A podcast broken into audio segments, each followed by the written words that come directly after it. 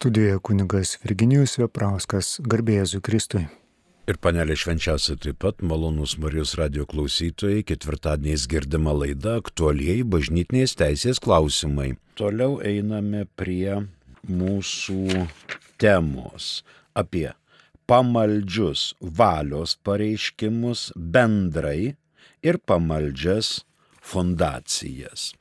Praeitoje laidoje dėl laiko stokos nebuvo 1303 fiksuotas. Dabar galime drąsiai, turėdami laiko, jį fiksuoti. Pirmasis paragrafas. Pamaldžiomis fundacijomis teisėje vadinamos. Pirma.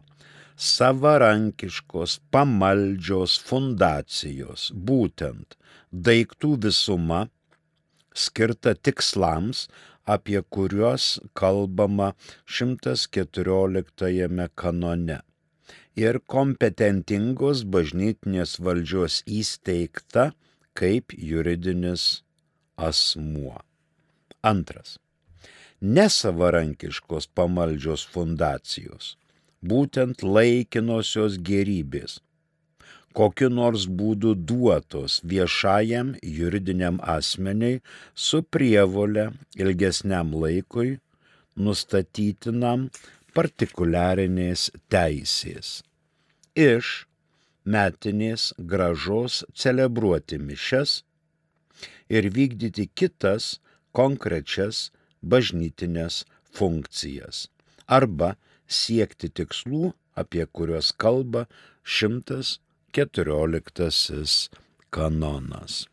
Na ir trečias paragrafas nesavarankiškos fundacijos gerybės jai buvo patikėtos diecezniam vyskupui pavaldžiam juridiniam asmeniui, pasibaigus laikui turi būti perduotos institutui, apie kurį kalbame 1274 kanone.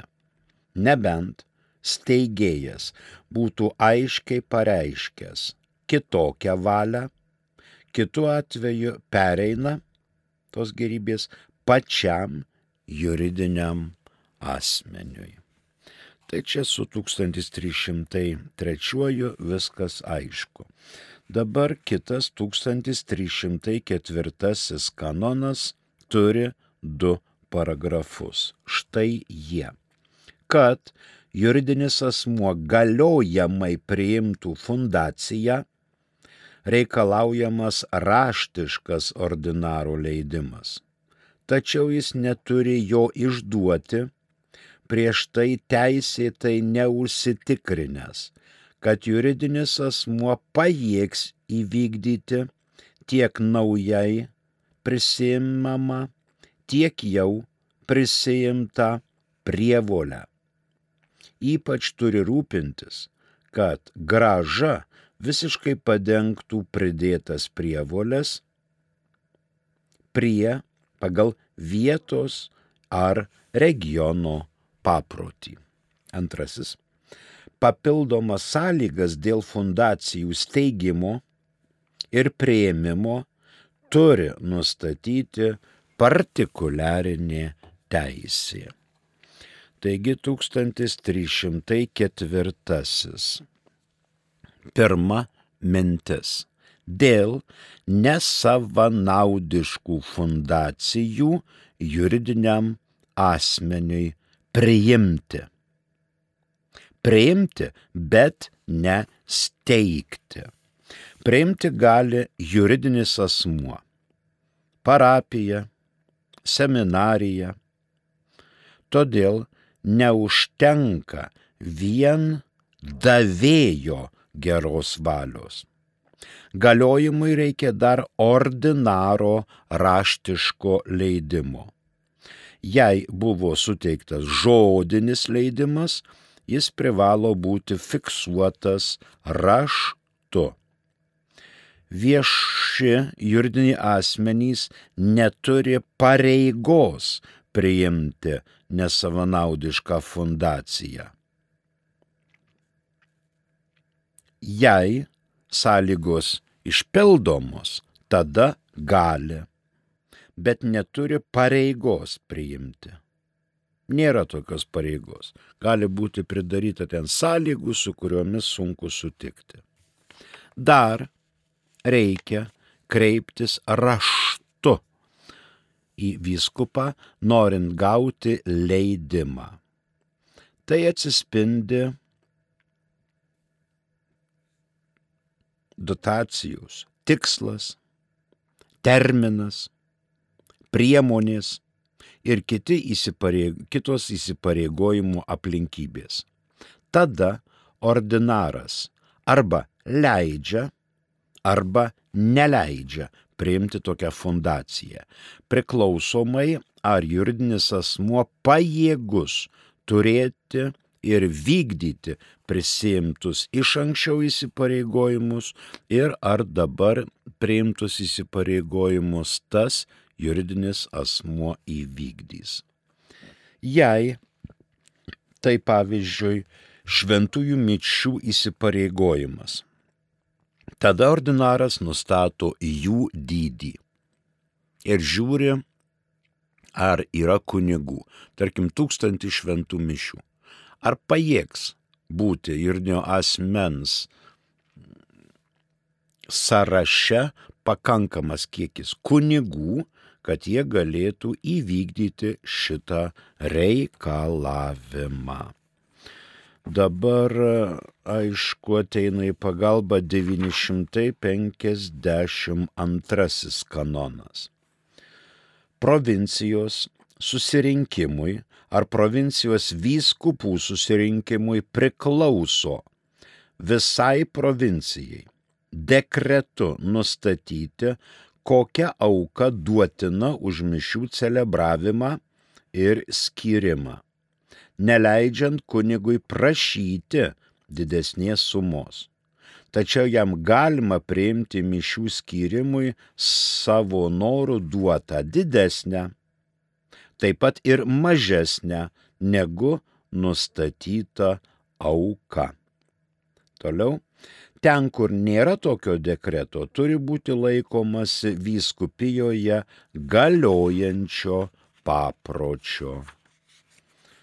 Na, dar toliau to paties dekreto arba vietos papročio, apie kuriuos kalbama čia aukščiau, privalo laikytis ir visų vienuolinių institutų nariai tai viskupijoje veikiančios vienuolijos taip pat privalo to laikytis.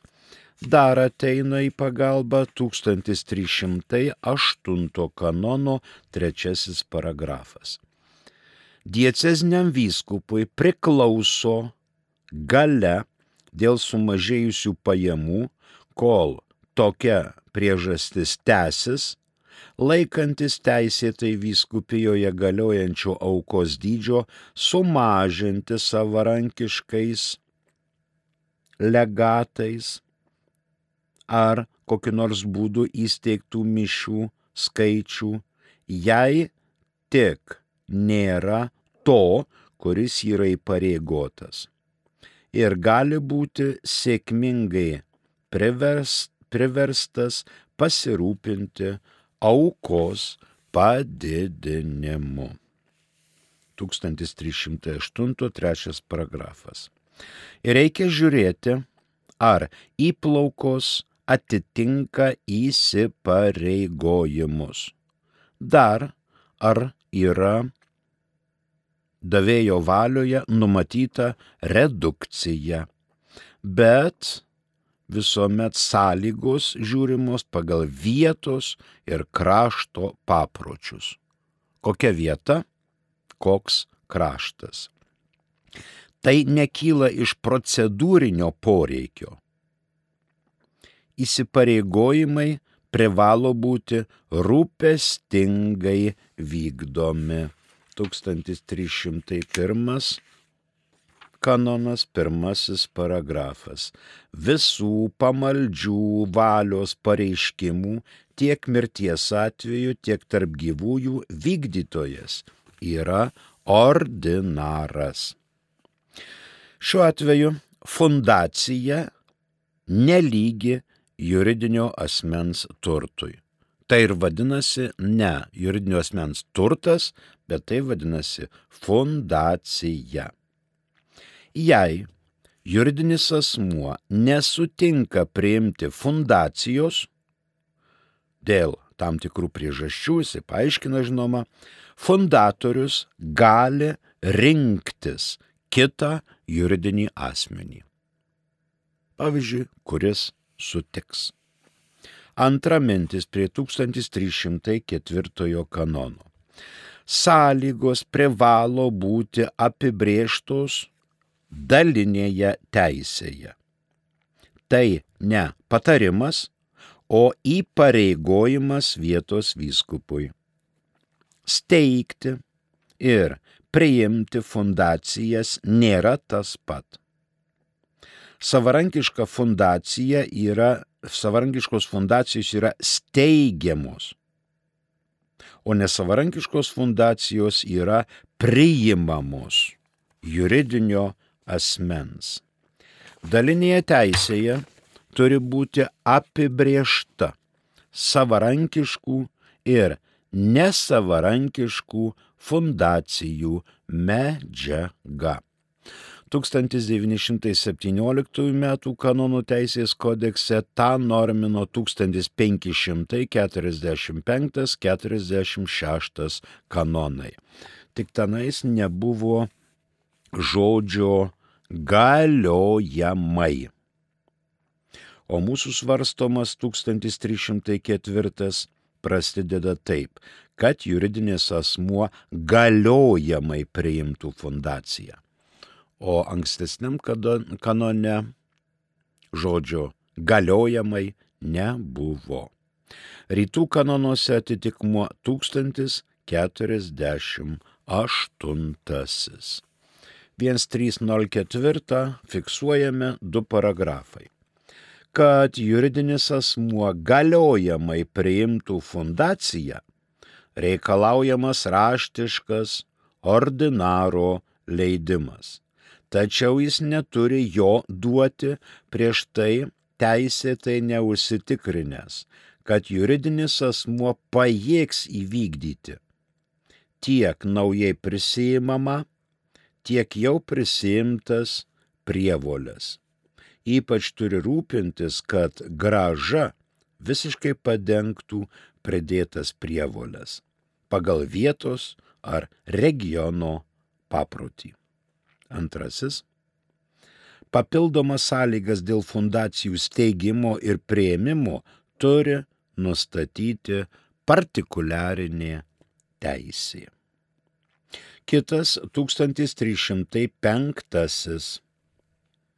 Pinigai ir kilnojamosios gerybės skirtos kaip dotacija, tuo jau turi būti padėtos ordinaro patvirtintoje saugioje vietoje, siekiant išsaugoti pačius pinigus arba kilnojamųjų gerybių vertę. Ir pagal paties ordinaro išmintingą sprendimą jam išklausius suinteresuotųjų ir savo ekonominių reikalų tarybos kuo greičiau, saugiai ir naudingai turi būti investuotos fundacijos naudai. Aiškiai ir išsamei nurodant prievolę. Prasideda žodis pinigai. Jeigu atėjo fundacija, reikia jai užtikrinti saugumą. Pametat, pamenat prieš eilę metų čia, kaip buvo dar, buvome rublio zonoje. Tai penktadienį dar galiojo 50 ir 100 rublių kupiūros, o pirmadienį jos jau nebegaliojo. Tai jeigu penktadienį kas nors atveža fundaciją, pavyzdžiui, vagoną kupiūrų po 50, po 100 rublių, o pirmadienį tai jau yra tik popierėliai.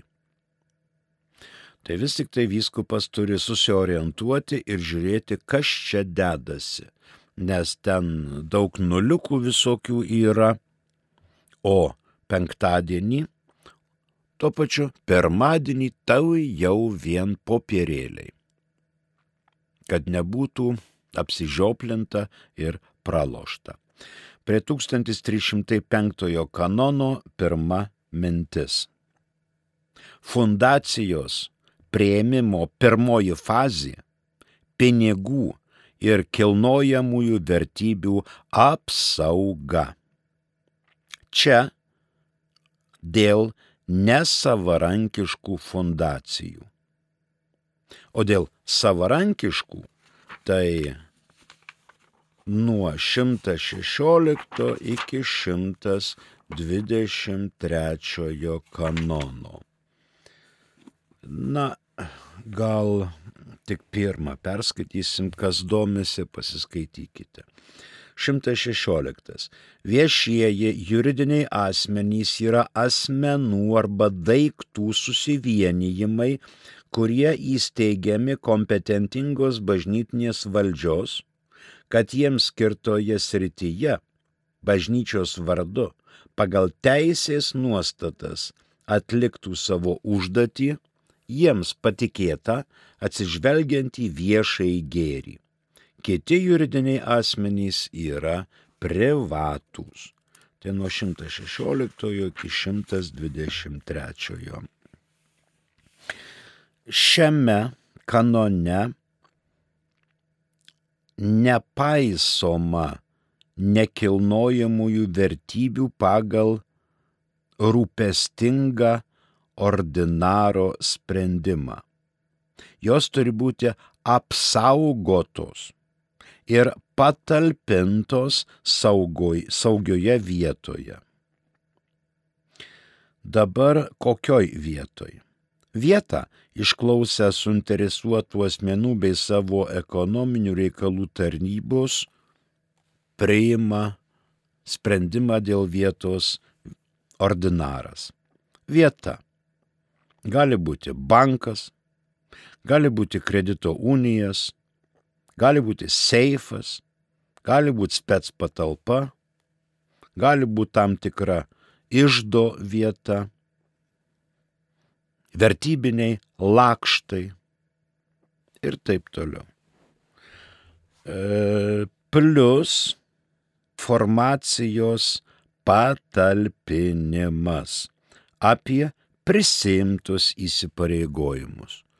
Jeigu vyskupas skrido lėktuvu, žuvo, atėjo kitas vyskupas ir rado seive krūvą pinigų.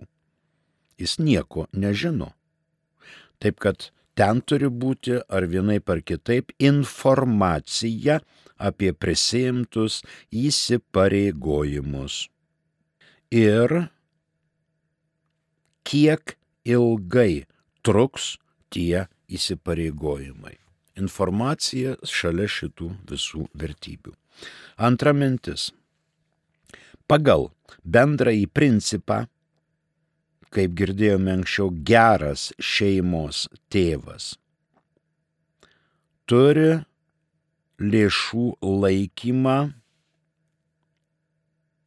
kaip juridinio asmens naudai derinti su vietos ordinaru, kaip geras šeimos tėvas. Jis rūpinasi, žiūri, analizuoja, derasi, aptaria, kaip geriau. Jei pinigus ir turtą nesavarankiškam, nesavarankiškai fundacijai. Tada ordinaras išklauso suinteresuotųjų asmenų, paties fundatoriaus, jeigu gyvas, arba panalizuoja testamentą, arba test, su testamento vykdytoju kalbasi atstovas testamento vykdytojo ir tada priima kolegialiai sprendimą. Aišku, atsiklausęs savo ekonominių reikalų tarybos, šalia tų suinteresuotų asmenų.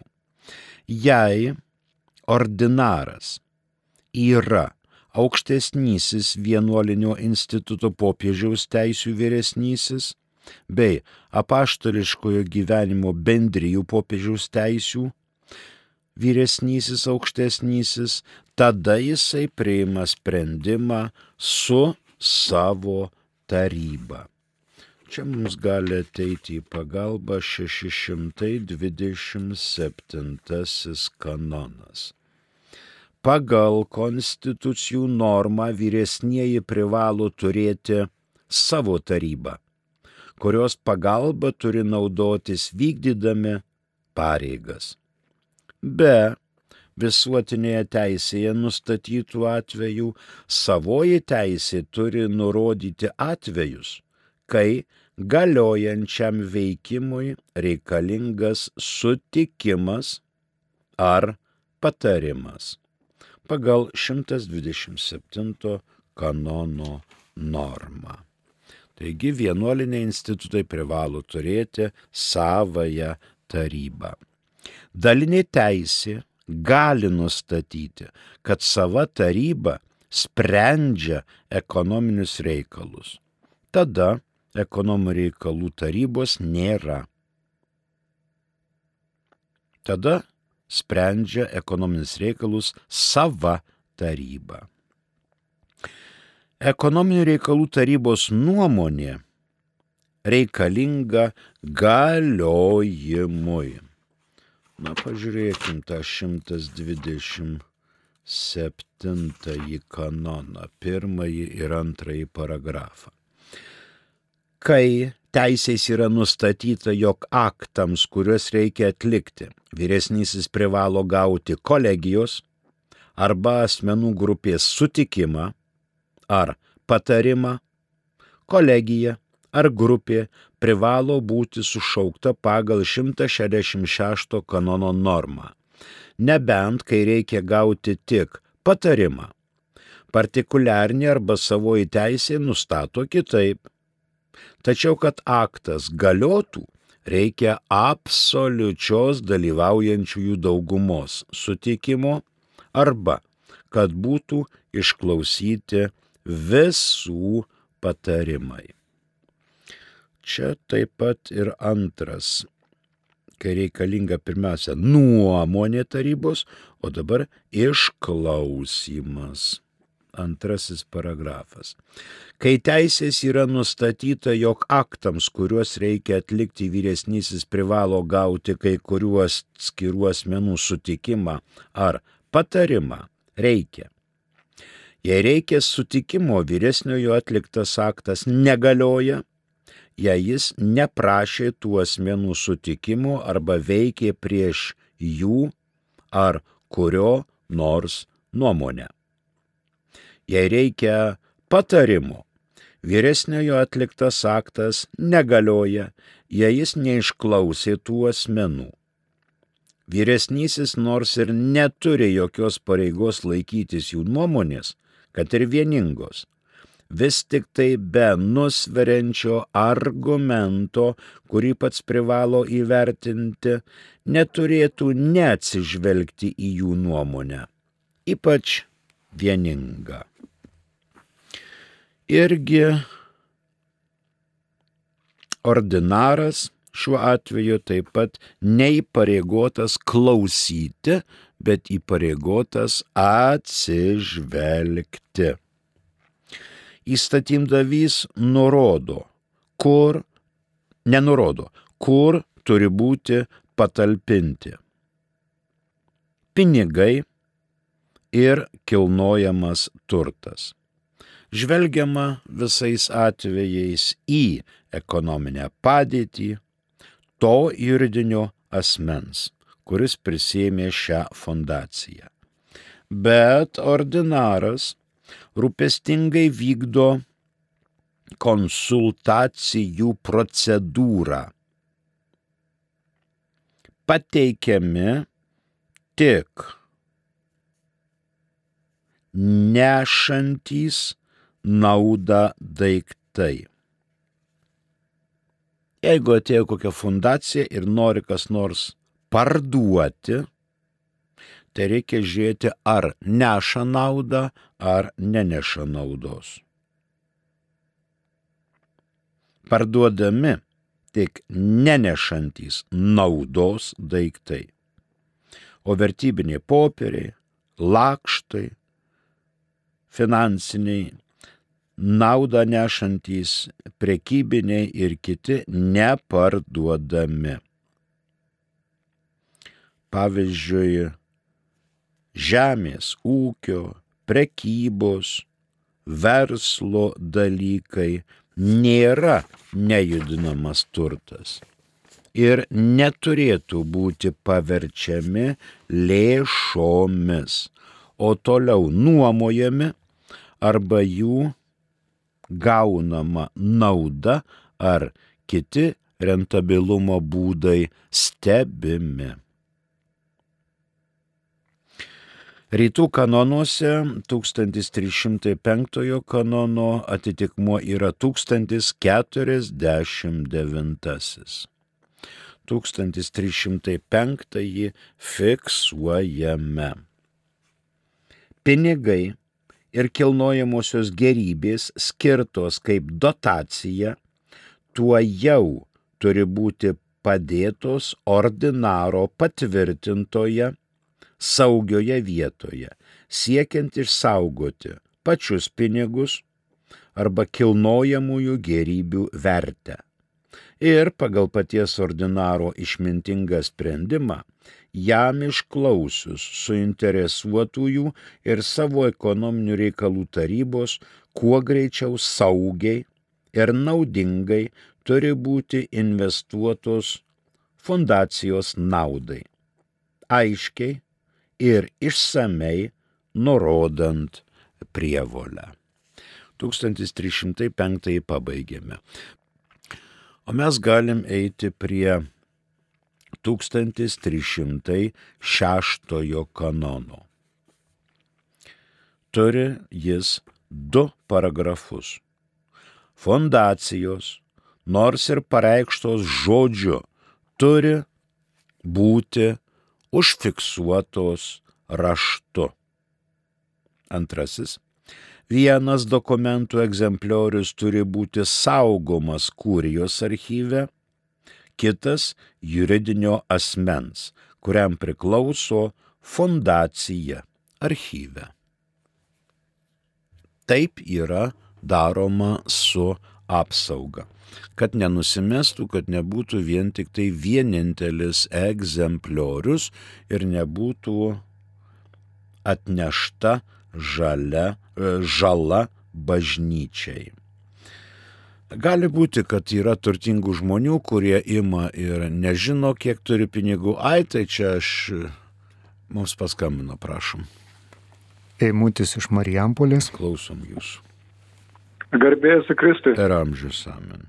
Norėjau paklausti, dabar išleistas naujas dokumentas tikėjimo doktrinos dikasterijos ir popiežius patvirtino jį ir to, tame dokumente ten yra įtvirtintas vienalyčių porų laiminimas, nu nesantokų, bet porų laiminimas, taip pat transvestitai, kad gali būti krikšto tėvais ir taip pat, kad transvestitus galima yra krikštis. Na, tavrasme, krikštit galima. Ir nu jau paklausiu, ar tai nesikerta su kanonų teisė, ar tai viskas tvarko čia. Na, tiesiog toks klausimas kažkaip kilo. Mhm. Ačiū, Eimutė. Pabandykime atsakyti. Visų pirma, bažnyčios doktrina nesikeičia nesikeičia bažnyčios doktrina. Aš nežinau, kur jūs skaitėte mintį apie vienalyčių porų laiminimą. Kai pasirodys lietuvių kalba šitas dokumentas, tai galbūt jisai ir e, paaiškis, galbūt jūs netaip supratote. Taip, popiežius patvirtina laiminimus. Dabar susirenka tūkstantį žmonių bažnyčioje ir kunigas mišių pabaigoje laimina visus. Laimina, duoda bendrąjį palaiminimą. Kilniai, gražiai. Ten yra ir šiokių, ir tokių, ir nekatalikų, ir nekrikštytų, kurie ateina į metinės, kaimynas numirė, tai mes einam pasižiūrėti, pasimeldžiame, ką čia tie katalikai veikia, vis tiek visus pabaigoje laimina. Tai dabar kodėl negali kunigas laiminti? Kunigas gali laiminti šakutę, stalą, valgius, laukus, javus, žodį, žolynus. O kodėl e, negali laiminti kunigas asmenų? Nes asmuo yra sukurtas Dievo ir tai yra protingos prigimties turėtojas. Bet dabar įsivaizduokim atvejį, ateina virš 18 metų du berniukai. Ir sako kunigė palaimink. Tada kunigas uždegė žvakes, pasodina vargonininkę, uždega šviesas ir pradeda laiminimo procedūrą. Tada visiems pradeda aiškėti, kad čia lyg ir santokos simulacija. Tokių laiminimų šiukštų bau negali kunigas daryti. Negali kad tai nebūtų atrodymas, kad du berniukai virš 18 metų arba dvi mergaitės virš 18 metų laiminamos. Ir tai gali būti panašu į santoką. Santokos sakramentas teikiamas vyro moteriai, moters vyrui. Ir joks kunigas negali teikti santokos sakramento. Santokos sakramentą teikia sutuoktinis sutuoktiniai, sutuoktinė sutuoktiniui. O laiminti galima tik tai galbūt atmeskim žvakes, gėlynus, žolynus, vargoninkę nukelkim nuo vargonų ir ateina du vyrai. Jie gyvena, pavyzdžiui, kartu. Bet jie krikščionys, jie tikintys, jiems ten, aišku, nieks neduoda išrišimo, bet jie nori palaiminimo.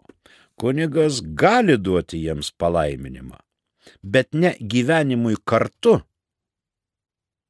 Bet kunigas teikdamas palaiminimą sako, aš jūs laiminu, bet ne sąjungai, kuri veda į nuodėmę. Bet aš jūs laiminu tiesos paieškoms. Ne gyvenimui kartu, bet tiesos paieškoms, kad jūs atrastumėte išganomą į viešpaties veikimą ir pamestumėt paklydimo kelią. Taip galima. Tai kai kunigas susidėjęs stulą ir kapą prie vidurio bažnyčios, prie altoriaus ten atsiveda tuos du berniukus, tai žinot, gali Monika pribėgusi su rankinuku dar ap, aptalžyti kunigą, ką čia darai, kažkokias nesąmonės. Taip, kad kunigas turi labai labai atidžiai pasižiūrėti. Ir dabar pasirodė turbūt spaudoje, kad popiežius pagaliau apsisprendė už vienalytės santokas. Nieko jis ten neužsisprendė, reikia pasiskaityti oficialius Vatikano dokumentus. Doktrina nekinta, nesikeičia. Santokos sakramentas tarp vyro ir moters ir visos kitos sąlygos, bet ne tų tos pačios lyties asmenų santokų laiminimas. Tikrai ne. Prašykit, būdami nuodėmėje palaiminimo. Prašykite, būdami pašvenčiamoj maloniai palaiminimu. Ne visi gali eiti prie komunijos, ateina prie komunijos žmonės į visą eilę ir sako, aš negaliu dabar priimti komunijos, reiškia ženklų parodo, kad tu kunigė mane palaimink. Kunigas laimina. Kunigas laimina ir gerai daro.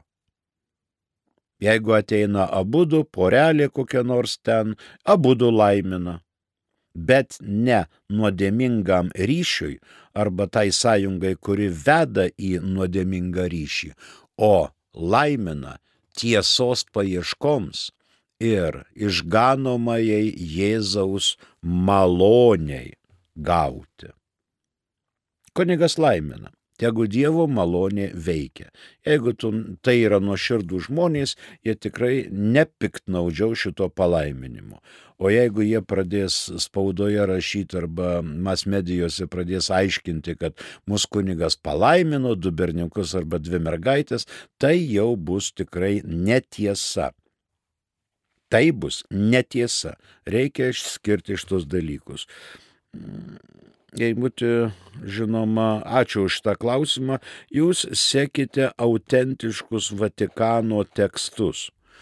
Nes dabar pora vyskupų grįžo ir iš Vatikano, iš šitos sinodo grupės, jie mums pristatė keletą labai šaunių minčių, kaip vyksta tie dalykai.